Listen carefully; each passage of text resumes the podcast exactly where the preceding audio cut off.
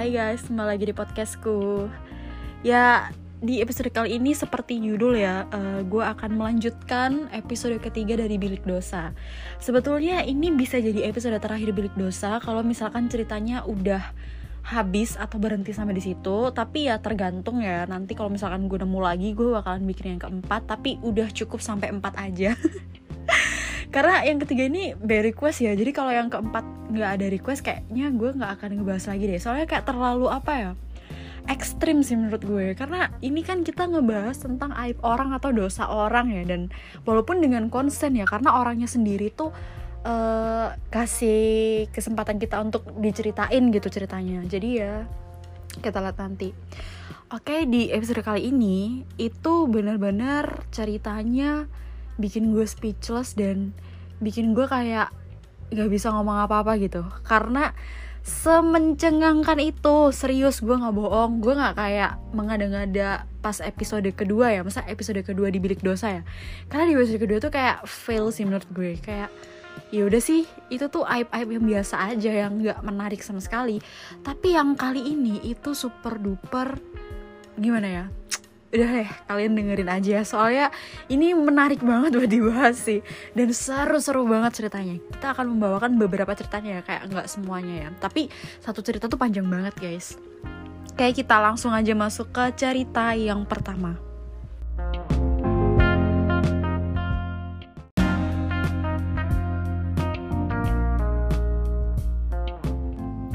Gue cewek Kejadian ini terjadi di akhir tahun 2016. Waktu itu gue lagi ikut kursus bahasa Inggris. Kursus bahasa Inggris ini tuh berada di daerah yang cukup terkenal di Jawa Barat. Gue ini aslinya bercadar dan otomatis gue juga berjilbab kan. Secara gitu, gue dari kecil itu emang didikannya agamis banget. Minim banget kenal yang namanya cowok. Nah, di kursusan tersebut gue sekelas sama salah satu cowok yang cool banget. Ditambah humoris pula dia. Siapa coba yang gak tertarik? Kebetulan gue tuh udah sebulan kenal sama dia. Tiba-tiba dia ngungkapin tuh perasaan dia ke gue. Ya gue kaget lah. Ya kali ada cowok tiba-tiba nembak tanpa tahu wajah gue dulu. Aneh kan? Tapi ya karena emang dasarnya gue juga udah kepincut ya ya gue terima aja lah Lagian, gue juga belum pernah tuh ngerasain namanya pacaran.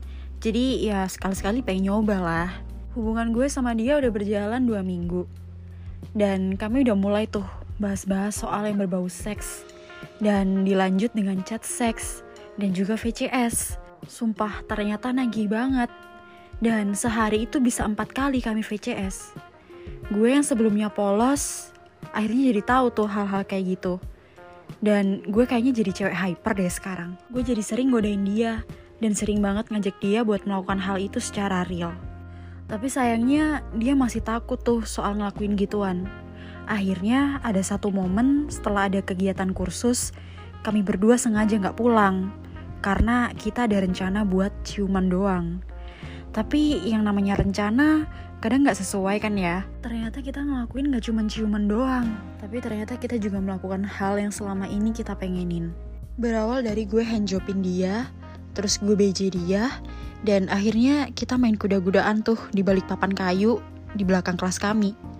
Ya sekitar 20 menit lah kami habiskan untuk begituan. Sumpah sih nagih banget. Dan hal itu tuh berlanjut sampai tiga bulan. Kadang kami pesen homestay sih buat ngelakuin hal itu Sampai akhir waktu khusus selesai, gue balik ke kota asal gue dan dia pun sebaliknya. Dari situ, gue udah gak pernah lagi tuh berhubungan lagi sama dia. Dan fakta uniknya, dia sama sekali belum pernah lihat wajah aku. Alias, kalau kita lagi main, aku tuh masih pakai cadar. Jadi ya selama kita melakukan hal itu, dia benar-benar nggak melihat wajah aku secara langsung. Ya pokoknya gitu deh cerita aku kali ini. Wah, gila, gila. Ini lumayan gila ya masa ceritanya. Dari dia yang bercadar itu bisa ya kita kita sebenarnya nggak bisa menilai seseorang dari penampilan ya. Tapi yang bikin gue kayak why kok bisa itu adalah cowoknya kayak ya emang kita nggak bisa menilai dari penampilannya juga sih tapi harusnya kan sebagai cowok nih ya itu tuh dia tahu porsi atau tahu batas gak sih? Kalau misalkan dia lihat cewek yang udah tutupan gitu maksudnya kayak bercadar berjilbab gitu pakai gamis itu harusnya dia kayak tahu batas gitu gak sih? Tapi ini kok kayak si cewek eh maksudnya si cowok ini tuh kayak dapet sinyal gitu loh kayak kayaknya ini cewek bisa nih. Nah hal itu tuh ada dari mana? Atau emang dari dari lubuk otaknya yang paling dalam tuh emang udah ngeres aja gitu pikirannya biasanya kan kalau cowok lihat cewek berjilbab kayak apalagi bercadar gitu kan kayak ya udah ukti yang emang dia tuh alim agamis dan ya udah nggak neko-neko aja gitu. Tapi kenapa nih cowok tuh dengan pedenya dia nembak dan kayak langsung bahas gitu-gitu kayak aneh banget sumpah. Kayak lu dapet sinyal dari mana gitu loh. Kalau nih cewek itu juga juga mau ternyata gitu ternyata juga bisa gitu. Bisa kan cowok hanya kepincut sama cewek yang ya udah dia emang nggak berjilbab. Atau mungkin berjilbab tapi nggak nggak yang uh, tutupan banget gitu kan. Maksudnya kayak ya mbak ukti ukti rahmi anget gitu lah tapi ini ini gila sih. Tapi gimana caranya lu ngelakuin itu tapi lu nggak copot jilbab? Bahkan lu nggak copot uh, apa namanya cadar gitu loh. Ya apakah cowoknya itu hanya ini ya hanya fetis ah ih, ih ngeri sih kalau misalnya ngomongin fetis ya. Siapa tahu nih cowok tuh fetisnya tuh emang sama orang-orang yang kayak gitu gitu loh. Penampilan kayak gitu gitu tapi nggak tahu lagi ya. Karena ya dari cerita mbaknya nih cowoknya tuh nggak penasaran loh. Bahkan si cowoknya juga kayak ya udah aja gitu lu nggak penasaran sama gue ya udah gitu. Kayak ya sama-sama aneh gitu loh nggak pengen lihat wajahnya atau gimana gitu. Padahal kan kalian udah pacaran hampir tiga bulan gitu. Kayak emang lo nggak penasaran sama muka cewek lo sendiri? Itu udah aneh sih tapi ya kita positif thinking aja ya guys ya. Karena kita nggak tahu di balik semua itu tuh apa yang terjadi kita nggak tahu ya. Tapi gila sih ini cerita epic banget sih. Bener-bener bikin speechless dan gila. Gue baru dengar cerita kayak gini nih. Hah Gimana menurut kalian ceritanya? Seru tidak? Dan ini masih ada cerita-cerita lain yang lebih seru. Jadi kayak ah pantengin terus gitu. Oke lah, kalau gitu uh, tanpa berlama-lama kita langsung aja move ke cerita berikutnya.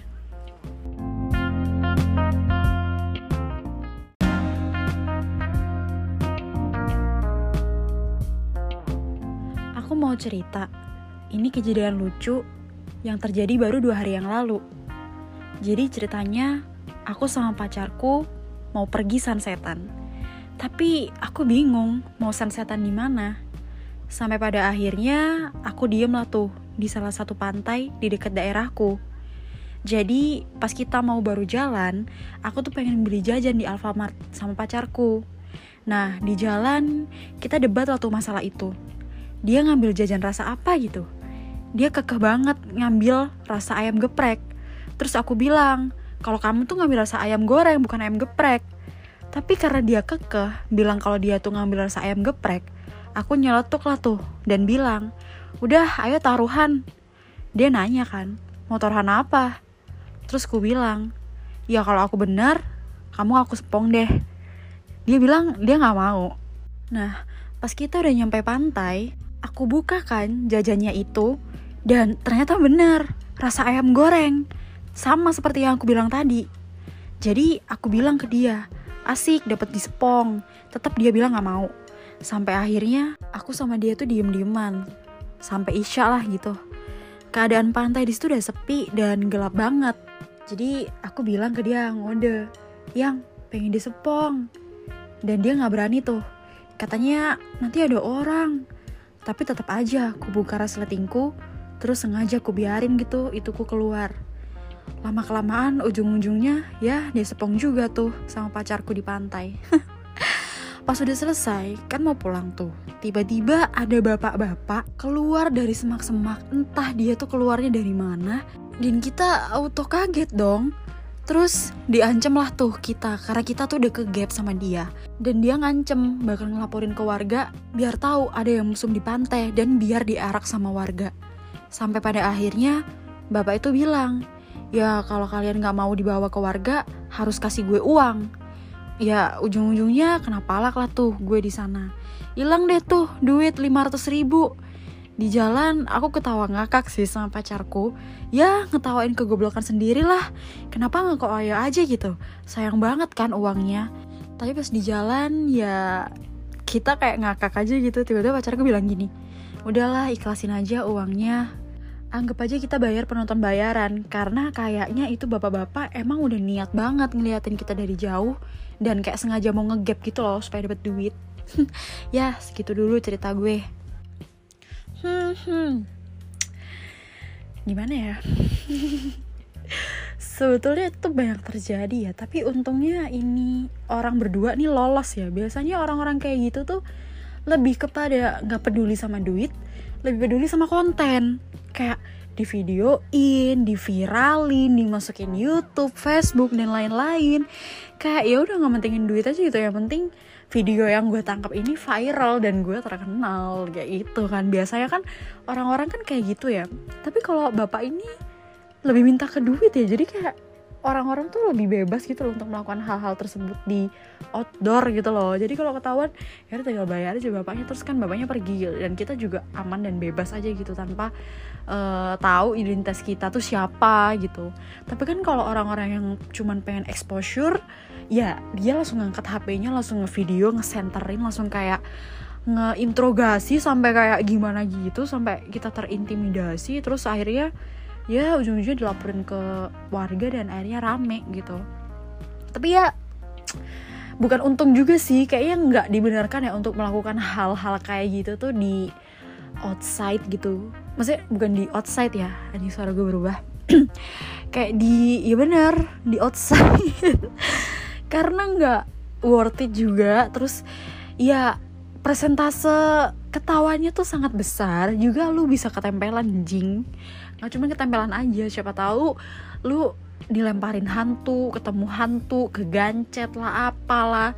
Kan banyak ya ininya ya apa namanya minusnya ya. Lebih baik kayak udahlah jangan aneh-aneh kalau emang mau sunsetan. Ya udah sunsetan aja gitu. Pakai taruhan segala pakai sepang sepong segala kayak itu merugikan diri lu sendiri. Akhirnya habis kan tuh 500 ribu buat bayar bapak itu. Ih mahal juga ya. Anjing setengah juta loh kita bayar.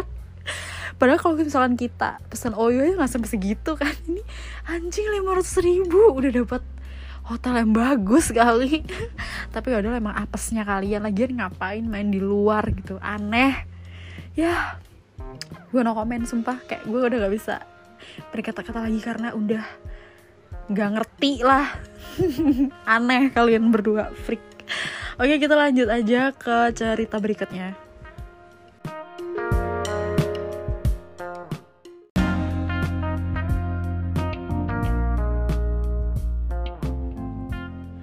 Jadi ceritanya, tahun 2020, aku bekerja di salah satu kota industri. Aku ngontrak di situ dan aku ketemulah sama ibu kos yang punya kontrakan ini. Ukurannya sekitar 34-35an lah. Maksudnya umurnya ya. Dia masih segar banget. Dan emang suka senam juga sih dianya. Awalnya ya biasa aja sih. Tapi gara-gara air gak keluar, aku komplain kan. Dari situlah aku dikasih nomornya dia. Katanya ya biar gampang lah kalau ada apa-apa. By the way, dia bini orang ya suaminya itu kerja di luar kota dan dia juga udah punya anak satu. Dia kalau di rumah itu kayak mancing-mancing gitu loh. Ya kayak pakai baju yang seksi, pakai tank top atau pakai celana pendek. Pas itu aku lagi sakit. Jadi aku nggak masuk kerja. Dia replay lah tuh SW gue, kayak basa-basi gitu lah. Aku isengin balik. Aku kayak muji dia gitu ibu kos masih cantik lah masih muda aku gituin kan. Dan chat kita tuh makin lama makin menjurus ke hal-hal mesum. Si ibu kos ini cerita kalau dia itu udah lama banget nggak kayak gituan sama suaminya. Ya wajar aja sih karena kan suaminya sering banget keluar kota. Terus aku iseng lah tuh minta pap ke dia. Eh dia langsung VC dan dia lagi nggak pakai baju. Terus aku disuruh ke rumahnya. Katanya dia pengen banget tapi dia nunggu anaknya tidur dulu. Kebetulan rumah yang punya kontrakan ini depan-depanan sama kontrakannya. Sekitar jam 11 malam, aku masuk lah tuh ke kamarnya. Dan ya kita melakukan hal itu. Tapi parahnya, Pas kita lagi begituan, di sampingnya itu ada anaknya lagi tidur. Aku langsung dicium dong sama dia. Gila, ini binor ganas banget. Dan kayak masih rapat gitu loh. Aku yang saat itu masih nggak jago, langsung diajarin sama dia. Dan kita tuh main sampai tiga kali. Di situ kita melakukan hal ini tuh hampir dua kali seminggu. Dan kalau ada cewek yang main ke kontrakan, dia tuh kayak cemberut gitu loh, kayak cemburu gitu, langsung ngusir ceweknya. Dengan alasan gak boleh ada cewek yang main sama gue. Pernah pas pacar aku datang ke kontrakan, posisi aku tuh lagi ada di depan kontrakan, ngerokok. Dia kayak ngode gitu kan, dan sebelah kontrakan aku tuh kosong. Dia alasan bersih-bersih lah tuh di sebelah, dan aku iseng lah ikut masuk. Dan langsung deh aku dibejein di situ. Padahal ada pacarku loh di sebelah. Langsung ditelan dong sampai nggak netes. Dan setelah itu aku akhirnya pindah kontrakan. Dan jadi kita nggak pernah main lagi deh. Ya gitu aja deh cerita dari gue. Thank you. Hmm gila. Gue nggak expect kalau ada yang main sama ibu kos. Bukan ibu kos ya ibu kontrakannya sendiri gitu ya. Walaupun emang istri muda ya maksudnya mama muda ya tapi kayak lu bisa nafsu sama istri orang atau ibu-ibu itu aja udah aneh. Ini malah sampai oh my god gue nggak tahu lagi mau ngomong apa. Jelas ini sangat amat mengerikan ya mengerikan menjijikan untuk dibahas. Dan gue kayak bacanya tuh dari tadi gue cut cut karena gue tuh abis baca langsung ngerespon dalam diri gue tuh kayak ngerespon kayak iya kayak gitu soalnya gue potong gue potong gitu karena ya kayak gue nggak bisa menahan diri gue buat merespon hal itu ah gila Gila episode kali ini ceritanya epic-epic ya Bikin gue beneran speechless nih Aduh, gue gue sangat amat pengen tahu gimana respon dari kalian ya ketika mendengarkan itu gimana respon kalian gitu. Gue penasaran banget karena menurut gue ini epic ya. Kalau menurut orang-orang gimana ya? Apakah mereka merasakan hal yang gue rasain kayak nggak nyaman gitu ketika membacanya gitu atau kalian yang mendengarkan gitu? Iya, gila sama ibu kontrakan sendiri loh gue gak habis pikir anjir serius deh. Kok bisa? Bahkan pas ada pacar lo juga bisa melakukan hal itu sama dia deh kayak it's so so so sick. Gila banget Oke lah kita langsung lanjut ke cerita terakhir ya. Ini semoga ceritanya bikin kalian makin makin makin tercengang ya Untuk penutupan. Gue kasih yang jor-joran ya Udah. Langsung aja kita dengerin ceritanya.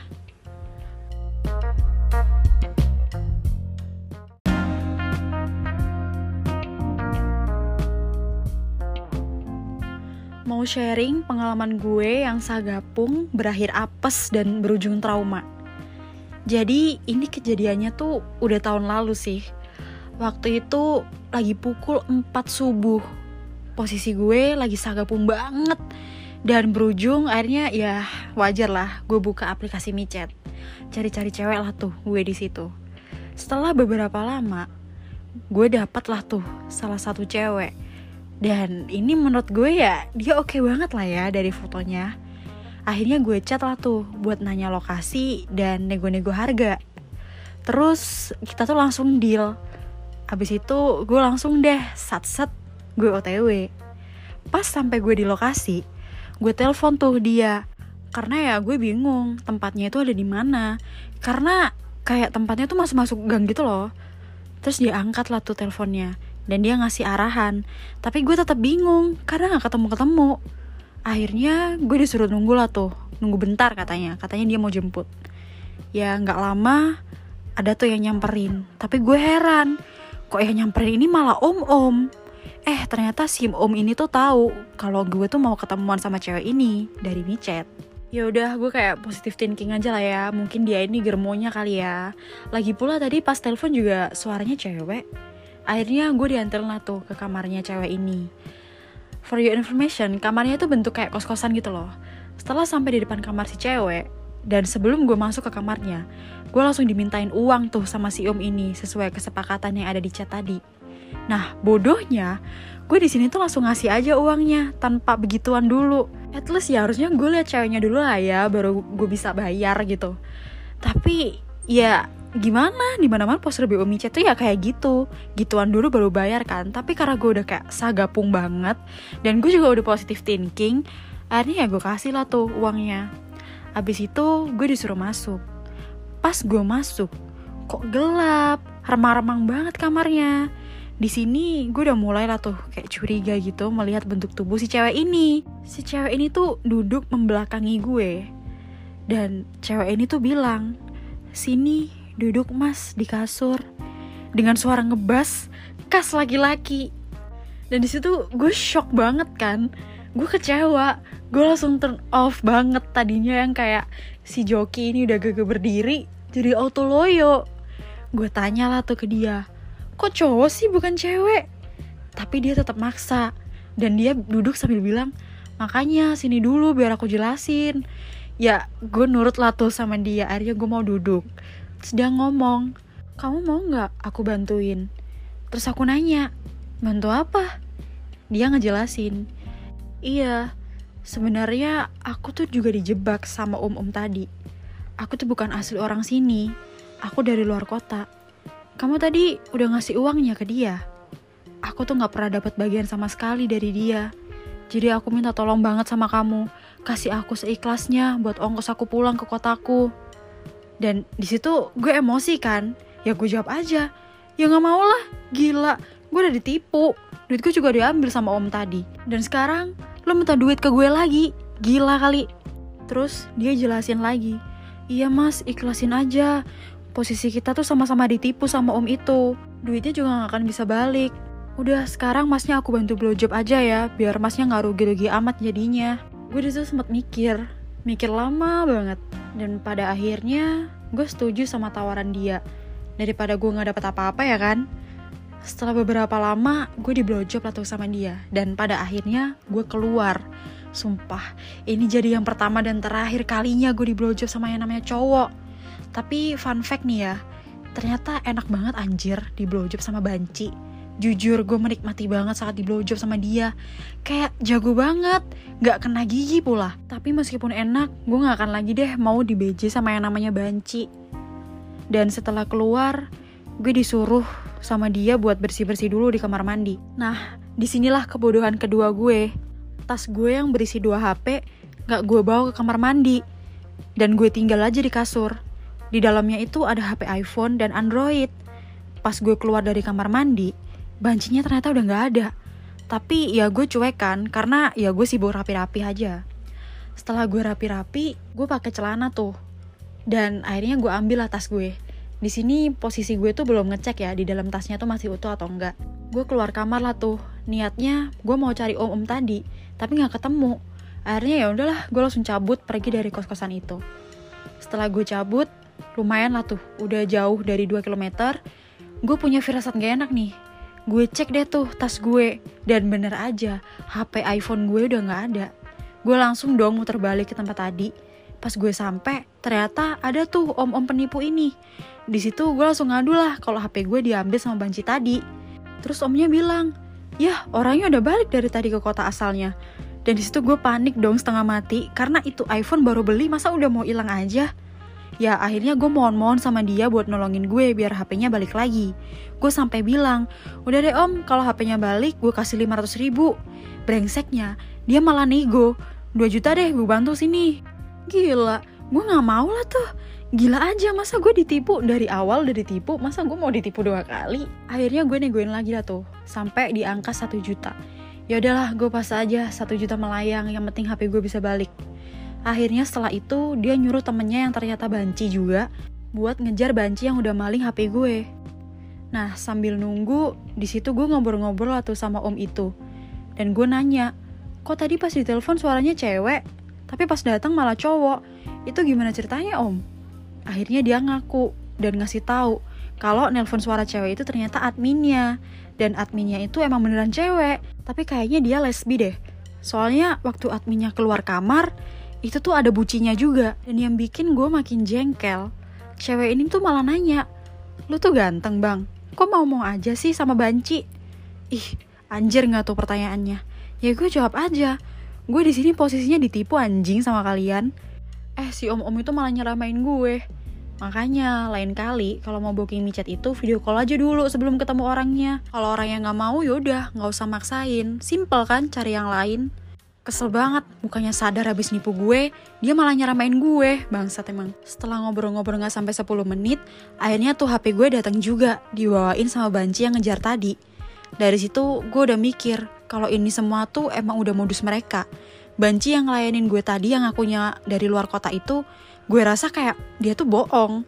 Gue yakin dia tinggal di daerah kosan itu juga karena kayak nggak mungkin banget. Dia bilangnya udah keluar kota tapi cuma 10 menit doang itu HP gue udah dateng. Kayak emang mereka ini komplotan deh. Setelah itu gue cabut dari kosan itu. Dan gue mengutuk sumpah serapah tempat kosan itu beserta isi-isinya perkumpulan banci-banci jahat yang tega banget nipu gue dan maling lagi. Dari dulu tuh gue selalu respect sama yang namanya kau banci. Karena ya mereka gak pernah ganggu kalau lagi ngamen. Tapi setelah kejadian ini gue jadi berpikir kalau nggak semua banci itu baik, cok. Ternyata ada juga yang brengsek. Dan mulai dari detik itu, gue bener-bener trauma banget sama yang namanya banci. Nasib gue ini tuh namanya udah jatuh, ketimpa tangga. Jatuhan barang juga lagi dari atas. Ya udahlah, gue ambil hikmahnya aja. Biar gue juga lebih bisa nahan hawa nafsu. Dan mungkin kayak gue kurang sedekah aja. Jadinya ya begini, ketipu sejuta lebih. Hehe. Hehe. Anjing gila. Gila. Ini cerita gue nggak tahu harus lucu atau miris atau gimana gue nggak tahu ya. Tapi emang sepengetahuan gue gue kan sangat ini ya mengikuti para banci-banci ya. Mulai dari banci yang udah berkelas banci yang di luar negeri bahkan sampai banci kaleng. Gue tuh sering banget ngefollow mereka di Instagram di main account gue malah. Karena gue tuh seneng gitu ngelihat mereka kayak apa sih yang mereka lakuin? Itu pasti lucu dan itu menghibur gue. Jadi makanya gue ngikutin. Dan gue sangat amat tahu uh, gimana banci-banci itu bertahan hidup banci-banci itu melakukan apa. Setiap harinya gue pasti tahu karena gue mantau banget story-story banci-banci kan.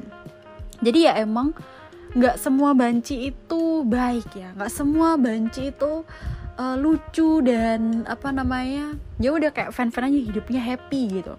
Ada juga yang emang banci tuh yang jahat banget nusuk teman dari belakang terus ngejebak dan lain-lain itu banyak banget. Dan gue udah denger cerita-cerita kayak gini tuh udah udah dari lama ketika gue awal uh, ngikutin daily life para banci tuh gue udah tahu. Jadi kalau denger cerita kayak gini tuh ya kayak hmm, ya gue sebenarnya tahu dan banyak kok yang terjadian tuh udah banyak gitu. Dan emang nggak pernah kayak ke blow up gitu loh ceritanya. Jadi karena ya mungkin orang yang dapat experience kayak gitu tuh kayak malu gitu loh buat nyeritain. Ya jadi makin banyak jadi makin banyak komplotannya karena nggak ada yang speak up gitu loh. Jadi ya mending buat kalian hati-hati aja karena micet itu juga banyak wariannya apalagi ya sama seperti apa yang dibilang om-om tadi kalau misalkan mau booking ya beneran harus video call dulu tapi kadang video call aja bisa di scam loh ya nggak tahu deh hati-hati aja deh buat kalian yang lagi sah gabung Aduh, gila ini udah kepanjangan kali ya podcastnya. Tapi seru banget gak sih? Seru gak? Seru gak? gue udah excited banget kalau misalkan bahas-bahas kayak ginian karena gue bener-bener banyak banget cerita yang kayak gini. Cuman gue nggak tahu harus mulai dari mana dan gue kayak takut dibilang freak gitu loh. Karena ya emang gue sangat amat interesting sama yang namanya transgender waria dan lain-lain. Karena gue kayak ngerasa seru banget aja gitu ngeliatin daily life mereka. Kayak bisa mereka bisa make up mereka bisa jahit wig terus mereka bisa ngelucu dan lain-lain. Pokoknya ceritanya konyol-konyol lah. Makanya gue suka. Dan gue takut kalau nyeritain kalian tuh bakal kata freak gitu loh. Jadi ya segitu dulu uh, episode kali ini. Semoga kita bisa mengambil hikmahnya ya. Pasti ada aja hikmah yang bisa kita ambil dari cerita-cerita orang-orang ini. Ya supaya kita bisa menahan yang namanya hawa nafsu terus supaya kita juga lebih uh, apa namanya mendekatkan diri kepada Tuhan supaya kita tuh terhindar dari hal-hal yang jelek hal-hal yang menjerumuskan. Jadi kan ya udah tadi ya udah dapat baria terus juga ketipu. Nah kayak gitu kan nggak enak banget ya. Jadi daripada kita menuruti nafsu kita mending kita uh, singkirkan hal-hal jorok itu menjadi hal-hal baik. Kita ganti dengan hal, -hal baik melakukan hal-hal baik atau hal positif supaya kita terhindar dari pikiran-pikiran kotor yang bikin gabung nggak jelas kayak itu tadi meribetkan diri sendiri ya gue udah daripada gue panjang lebar ngomong kita akhir saja episode bilik dosa kali ini. See you next episode. Bye bye